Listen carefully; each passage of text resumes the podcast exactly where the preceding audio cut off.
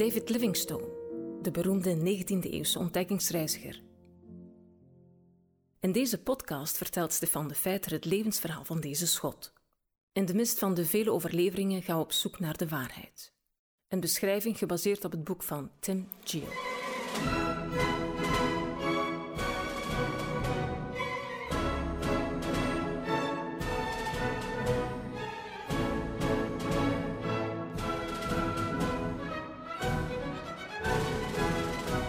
Tussen 1849 en 1851 maakt Livingstone drie lange reizen ten noorden van Kolobeng.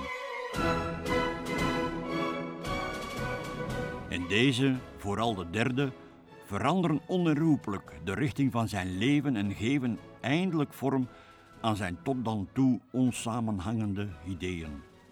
Het werd zijn doel om de eerste explorator te zijn die Zuid-Centraal-Afrika binnendrong in kaart bracht. Alvorens deze reis te beschrijven is het van belang te weten dat, bijvoorbeeld betreft het Ngami-meer, dit een plek was die door autochtone zuidelijke Afrikanen al meermaals bezocht was. Maar Livingstone's reis van 1849 is het eerste geregistreerde bezoek van een Europeaan aan dit meer. Bovendien waren er in het verleden ook al andere Europeanen, namelijk de Portugezen, die hetzelfde verlangen hadden om Zuid-Centraal-Afrika binnen te trekken. En qua autochtone ondernemingen waren er, voor zover wij weten, in het eerste decennium van de 19e eeuw twee Afrikaanse handelaars die van het westelijk Angola naar het oostelijke Mozambique reizen. Aangezien de enige verslagen over deze reizen te vinden zijn in Portugese tijdschriften en archieven, weet het grote publiek in Groot-Brittannië en andere Europese landen behalve Portugal niets van deze reizen af. Wat dus in het voordeel van David Livingstone speelt. William Cotton Housewell was de mecenas van Livingstone. Zelf reisde de man ook mee op onder andere de reis van 1849 naar het Nugami-meer dit met zijn metgezel Mungo Murray. Oswell brengt twintig paarden, tachtig ossen, twee wagens en genoeg voorraden mee om drie Europeanen en acht Afrikanen een jaar lang van buskruid, kogels, thee, koffie en suiker te voorzien. In hun voetspoor volgen bovendien dertig bakwanstamleden die door Segele zijn gestuurd om ivoor mee terug te nemen. G.H. Wilson was de laatste aanwezige in deze stoet. Hij was een blanke handelaar die ook zijn oog op het kostbare ivoor had laten vallen.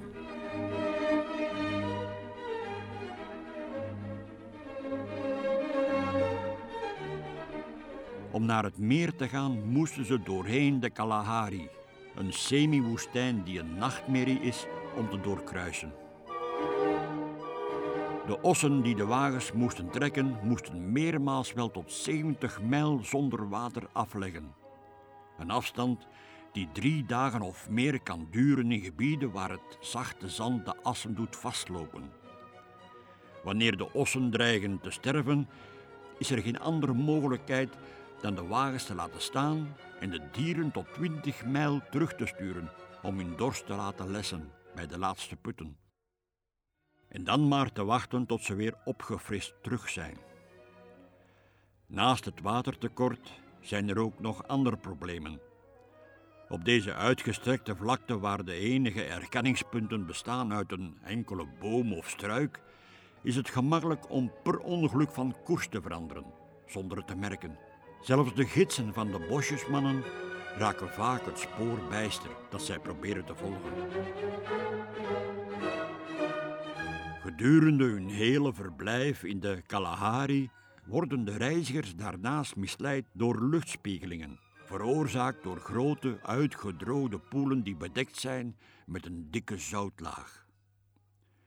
De hitte is zo intens dat de ossen zich alleen s'avonds en in de vroege ochtend kunnen verplaatsen. De Zuga-rivier stroomt uit een west-noordwestelijke richting en het gezelschap twijfelt er niet aan dat de bron hiervan in het Nugami-meer ligt.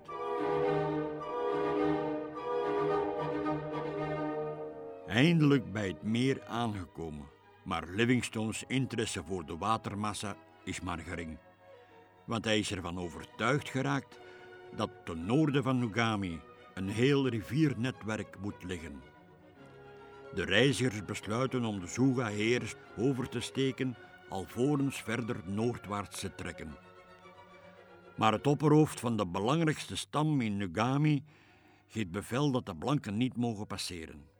Livingstone's metgezel Oswald stelt voor om over een jaar terug te keren met een opvouwbare boot en het dan opnieuw te proberen.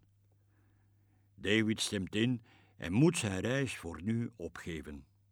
De onderneming heeft tot nu toe sowieso al veel langer geduurd dan hij had verwacht. En hij maakt zich zorgen over zijn vrouw en kinderen die bij zijn schoonouders zijn achtergebleven.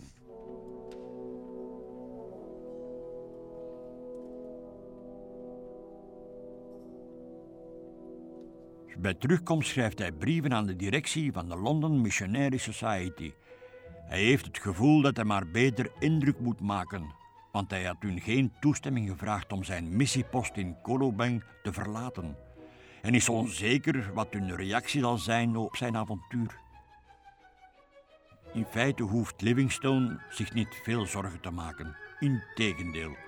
Arthur Titman, de buitenlandse secretaris van de Society, beseft meteen dat de ontdekking van Nugami de vrijgevigheid van de Britten zal bevorderen als er rugbaarheid aan deze reis wordt gegeven.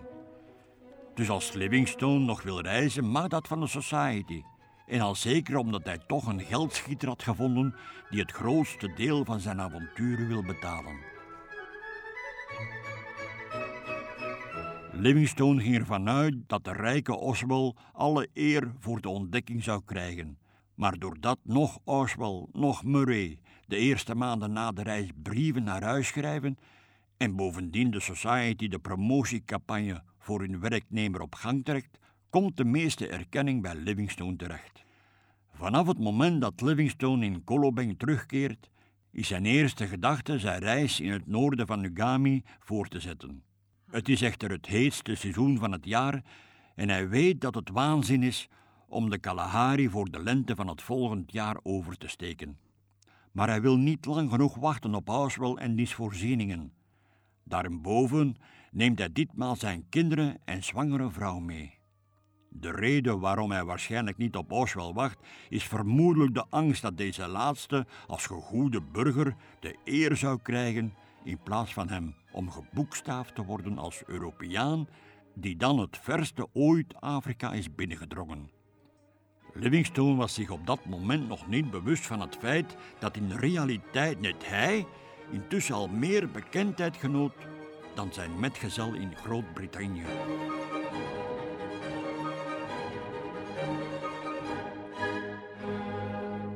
Dit was een podcast van TWR.